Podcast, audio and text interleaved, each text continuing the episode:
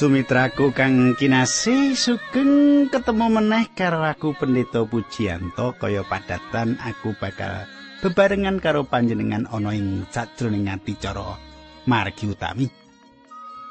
Pangajapku muga-muga panjenengan tansah kinantenan ing Gusti lan lubering rahayu tinebihna ing sambekala. Kadangku ayo panjenengan tak dereake. Sinau babagan-babagan kang dingendikake ana kitab suci lan panjenengan itung-itung nambah kawruh babagan tata kasukman. Mengkono? Apik menawa panjenengan saiki nyawisake kitab suci sing tak waca iki kitab suci basa pedinan. Sugeng midhangetake adicara iki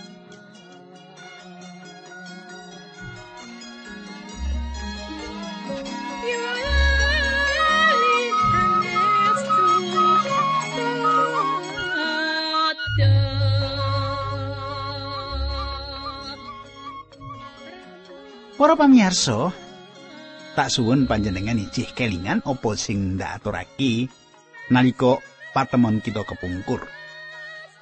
Kepungkur aku wis ngaturake menawa Gusti Yesus beberake pasemon bab kantong lan anggur anyar. Sing wose saben wong sing kepengin urip ing kawilujengan kudu nampani Injil lambangi anggur sing anyar. Apa ana pasemon saterusé sing ditulis dening Injil Lukas? Sadurunge diterusake kita ndedonga dhisik. Nanging aku ngaturake salam. Ngaturake salam karo Bapak Pendeta Suyitno. Bapak Pendeta Suyitno kados pundi Bapak? Menapa panjenengan saya-saya kemawon inggih peladosanipun ladi repot nggih Pak inggih. Nah, sugeng midhangetaken Bapak Yitno, mugi-mugi panjenengan saringan kalian kula. Katengku ayo kita ndedonga dhisik sadurunge tak terusake apa kang bakal ndak aturake marang panjenengan. Duh Kanjeng Rama ing swarga kawula ngaturaken gunging panuwun menawi wekdal menika kawula saged tetunggilan kalian sedherek-sedherek kawula ingkang setya tuhu midhangetaken adicara menika. Kawula ndongaaken para bapa pendhita ingkang samenika lados ing pundi-pundi papan supados paduka paringi kegiatan. Paduka paringi panglipuran ing wekdal kedah ngadepi perkawis-perkawis ingkang nyusahaken manahipun. Linambaran asmanipun Gusti Kawula Yesus Kristus kawula ndedonga haleluya amin.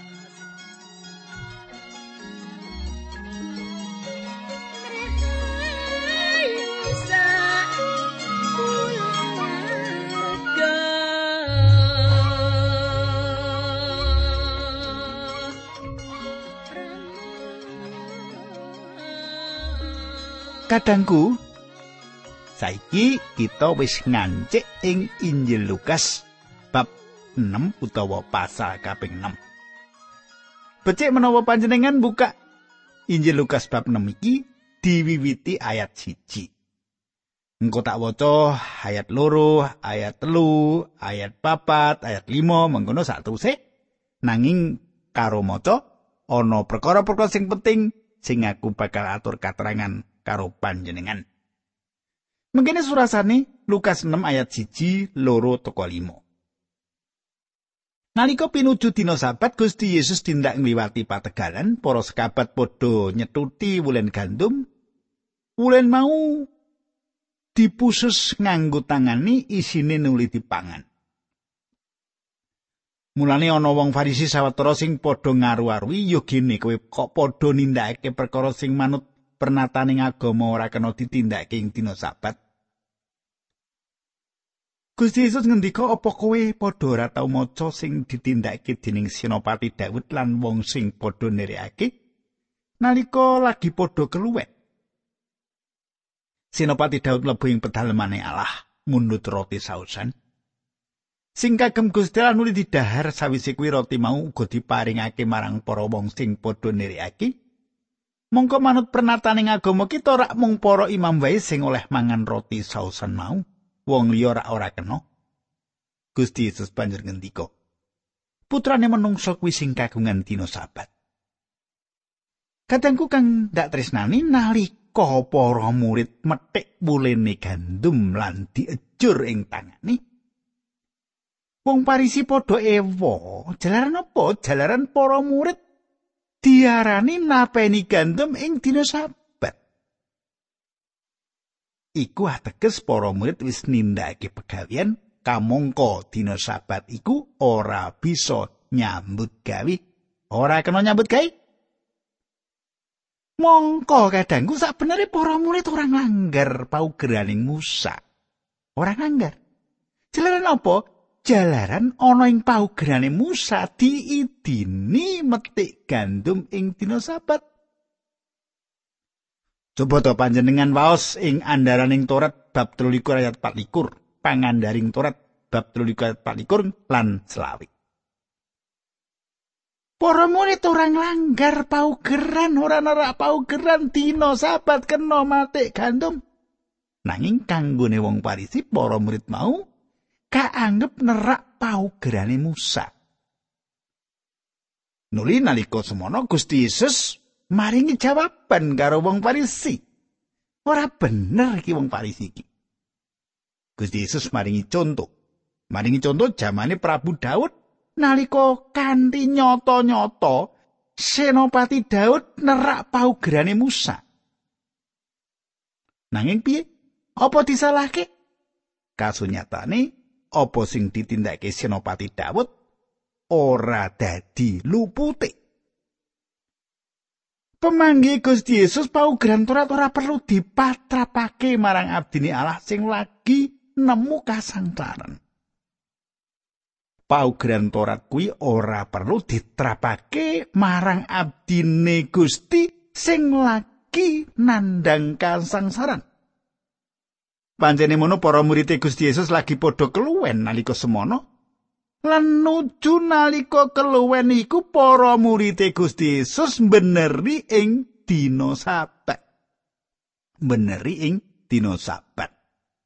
Nah, saiki ayat 6 lan pitu wolu songo sepuluh sebelas ya tak baca iki kepiye surasane pangandikan iki mungkin surasane pinuju ing dina sabat liyane Gusti Yesus memulang ana ing sinagoge ing kono ana wong sing tangane tengen ceko Para ahli Taurat lan wong Farisi padha ngulatake apa Gusti Yesus bakal marasake wong loro mau ing dina sabat apa ora.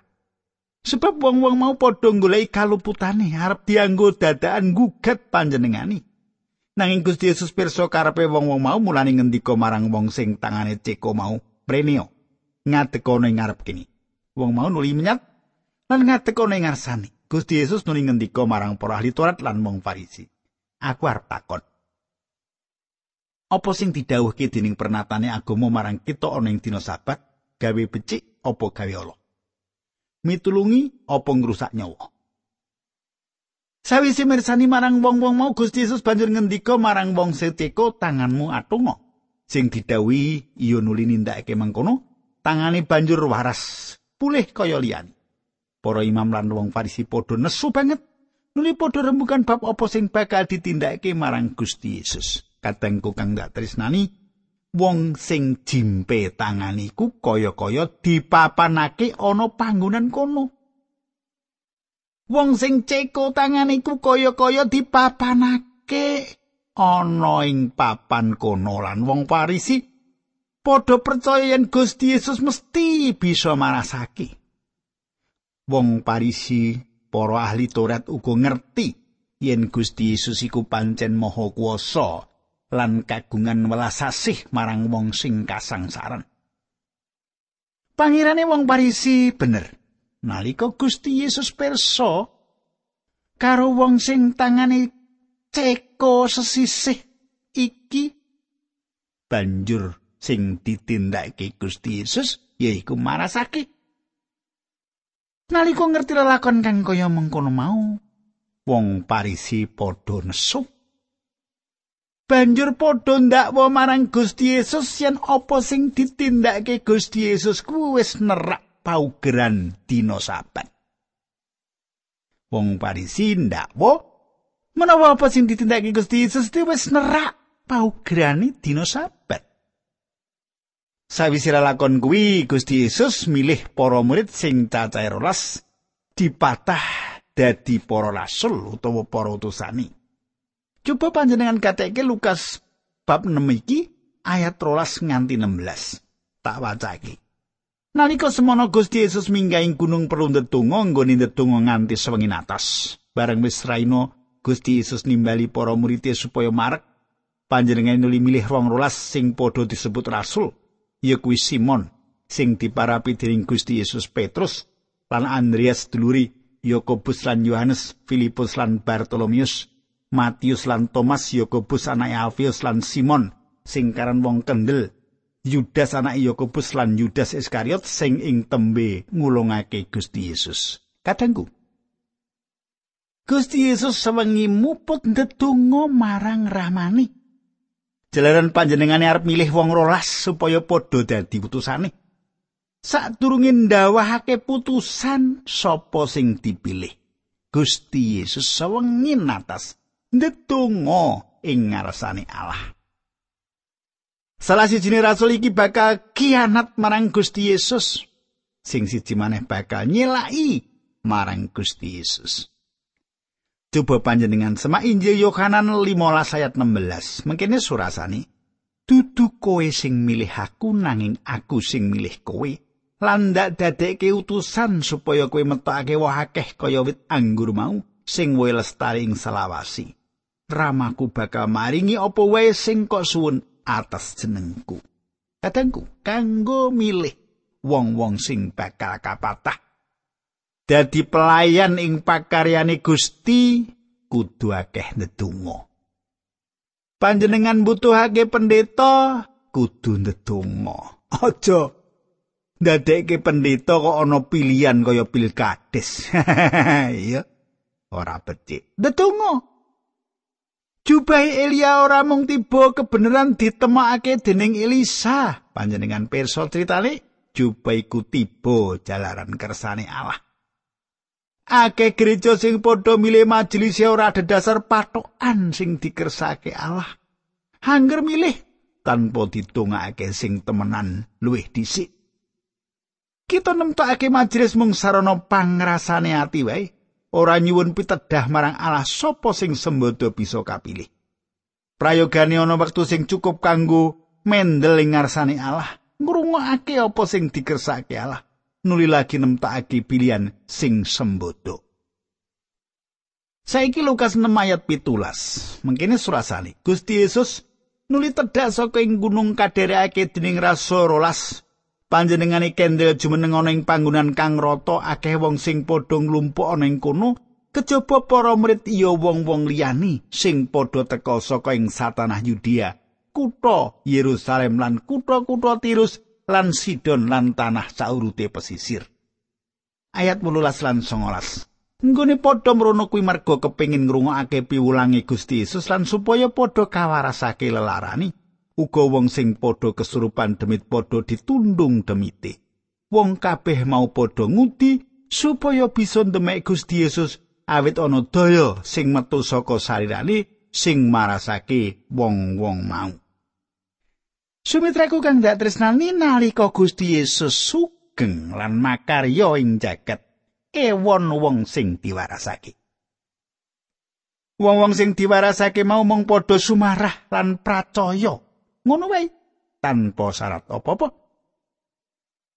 Mula yen panjenengan kagungan perkara sing ora bisa panjenengan rampungake.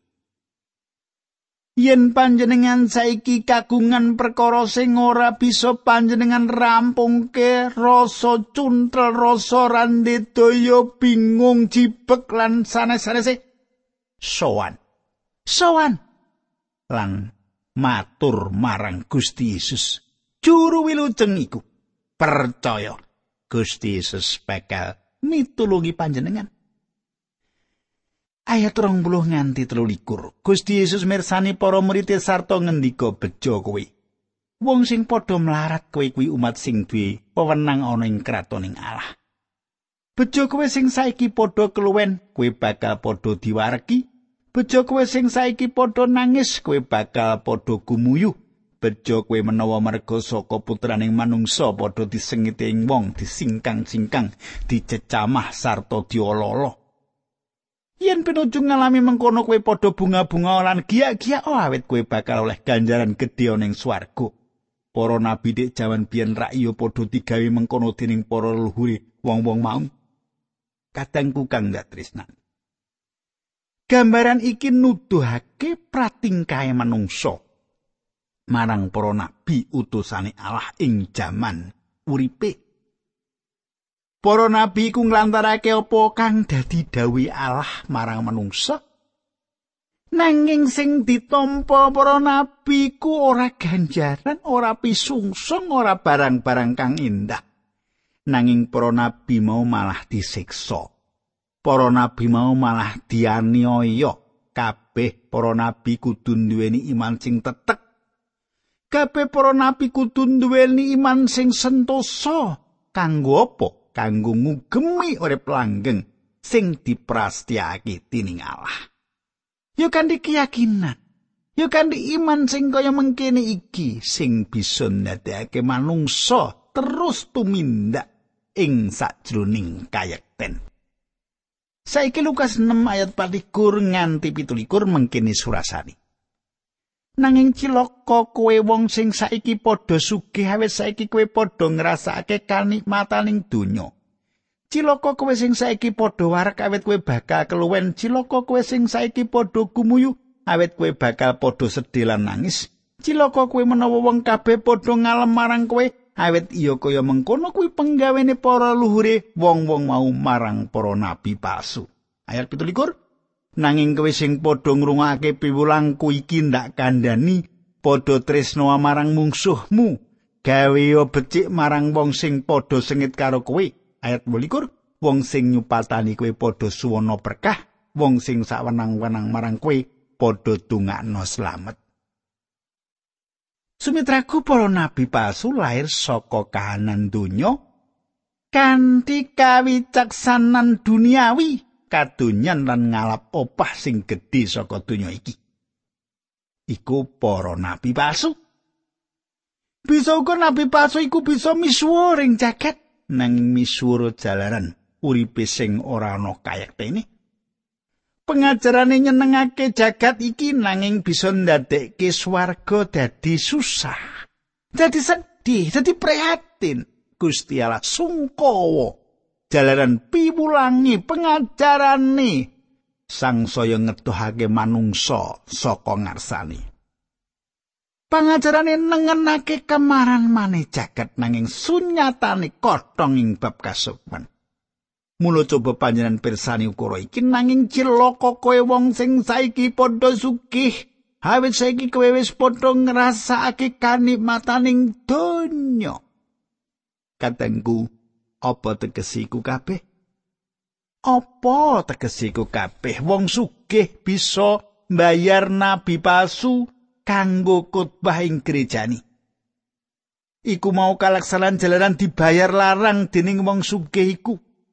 Wong-wong sugih akeh sing padha ngeluti remukane roti saka mejane sing banjur ditadai dening wong melarat ora peduli marang wong melarat lan seneng langgar kamar dikane wong miskin tangane kenceng gegem kasugihane kanggo dinikmati dhewe dirasake dhewe dipangan-pangan dhewe mung ngremukane roti wae sing kanggo sedekah marang wong liya Diteruske Lukas 6 ayat 31 nganti ayat 46. Mengkene surasane, apa sing kok karepake supaya ditindakake dening wong liya marang kowe? Kuwi tindakno marang wong liya. Yen kowe mung tresnani marang wong sing tresno marang kowe ya gene, kowe kok ngarep opah? Wong dosa ra ya padha males tresno marang wong sing tresnani dheweke. Lan meneh menawa kowe padha gawe becik marang wong sing beciki kowe gene yo, kowe ngarep-arep ganjaran. Wong dosa ra ya padha tumindak mengkono mengkono mana yen kowe mung ngutangi marang wong sing bisa nyaur gini yo kowe kepengin oleh pituas wong dosa kuwi ra ya padha mutangake marang wong dosa supaya nampa bali apa sing diutangake mau. Nanging kowe aja mengkono, padha tresnanono satrumu, satrumu padha becik ana lan padha utang ana tanpa mikir utang mau bakal disaur apa ora. Yen mengkono gedhe ganjaranmu lan kowe bakal padha dadi putrane Allah sing maha luhur. Awit Gusti Allah kuwi nindakake kabecikan marang wong sing padha ora ngerti dibeciki lan marang wong-wong ala. Mulane kowe padha duwe ati welasan kaya dene ramamu sing sifat maha welas. Aja padha netepake alaning wong supaya Gusti Allah ya ora netepake alamu. Aja padha ngadili wong liya, temah kowe dhewe ya ora diadili dening Gusti Allah. Padha ngapura, temah kowe dhewe ya bakal diapura. Padha weweya, temah kowe ya bakal diparingi dening Gusti Allah. Kowe bakal nampani peparing sing luber sing ditaker nganggo dititel tetok awit takaran sing kok nggo nakerake wong liya kuwi takaran sing diagem dening Gusti Allah kanggo nakerake kuwi sawise mengkono Gusti Yesus banjur paring pasemon mengkini wong picak apa bisa nuntun wong picak apa loro-lorone ora padha kacemplung ing kalen? Ayat patang buluh ora ana murid sing ngungkuli gurune nanging murid sing wis tamat pasinaoni kuwi bakal padha dadi gurune. Yo kene kowe weruh tata sing ana ing mripate sedulurmu mongko balok sing ana ing mripatmu dhewe kowe ora weruh. Kepriye bisamu? Kondo marang sedulurmu sedulur tata sing ana ing mripatmu kuwi ndak ilangane mongko balok sing ana ing mripatmu dhewe kowe ora weruh. Kowe dasar wong lamis balok sing ana ing mripatmu kuwi ilang ana dhisik. Temah kowe bakal bisa ndeleng kelawan cetha lan bisa ngilangi tata sing ana mripate sedulurmu. awit ora ana wit becik sing metokake woh sing ala mengkono uga ora ana wit ala sing metokake woh sing becik sebab saben wit kuwi katitik saka wae ora ana woh ora dipetik saka rerungkutan lan ora ana woh anggo dipetik saka tetukulane ri wong becik kuwi metokake saka simpenane atine sing becik dene wong ala metokake saka simpenane atine sing ala awit apa sing diucapake wong kuwi asale saka bludaking atine Ya kene kowe nyebut aku Gusti-Gusti, mongko kowe ora padha nglakoni piwulangku. Kadangku omahku diwangun ana sak dhuwure watu karang sing sentosa. Lah, omahku diwangun ana sak dhuwuring wedi sing musna jalaran keterjang banjir. Kaya gambaran urip kita iki manungsa dosa. Ngegirisi banget pungkasane urip ing donya iki yen ora mertobat marang Allah. Nanging ing kono ana watu karang sing gedhe banget. yaiku gambarane Gusti Yesus Kristus sing bisa dadi tetals ngedekake omah rohani sing kukuh. Paulus nulis kanggo wong-wong Korinta ngene. Siji Korinta 3:11 sebab Gusti Allah piyambak wis nemtokake yen mung Gusti Yesus Kristus sing dadi pondasine gedhong mau. Katangku, yen panjenengan kepingin nglakoni urip kanthi kayekten, ing endi panjenengan bakal bangun omah rohani panjenengan? yen panjenengan mirengake khotbah ing panggonan sing rata sing ora bisa ndeleng mengarep apa menawa yen panjenengan ora krasa yen dadi wong dosa kahananing tembe panjenengan bakal ilang saka pangayunane Allah pangeran ana panggonan sing diarani neraka kanggo kita yen ora mertobat ing ngarsane akeh wong sugih sing mlarat budine sing megah ngrungokake wartane Injil. Mongko Gusti Yesus watu karang sing sentosa iku sumadyo nampi panjenengan ing sawayah-wayah. Yen sowan ing ngarsane kanthi lelahanan tanpa piyo tanpa duit panjenengan bakal nampa urip langgeng.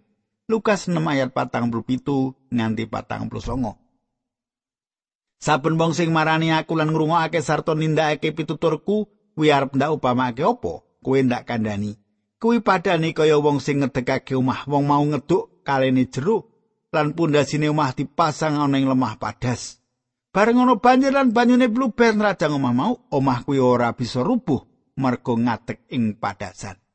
Ayat 49. Nanging wong sing ngrungokake piwulangku mongko ora dilakoni kuwi padha ni wong sing ngedekake omah tanpa dasar. Bareng ana banjir nrajang omah mau omah rubuh lan rusak banget. Katangku, ana omah sing diwangun ing sak nduwuring wedi lan sak nduwure watu karang sing bakoh. Sing ing sak nduwure wedi bakal ilang musna nanging sing tetala sewatu karang bakal kukuh lan sentosa monggo kita ndedonga sesarengan Duh kanjeng Rama ing swarga kawula ngaturaken kuing panuwun menawi menika midhangetaken pangandikanipun Gusti. Dinambaran asmanipun Gusti Yesus Kristus kawula ndedonga. Haleluya. Amin.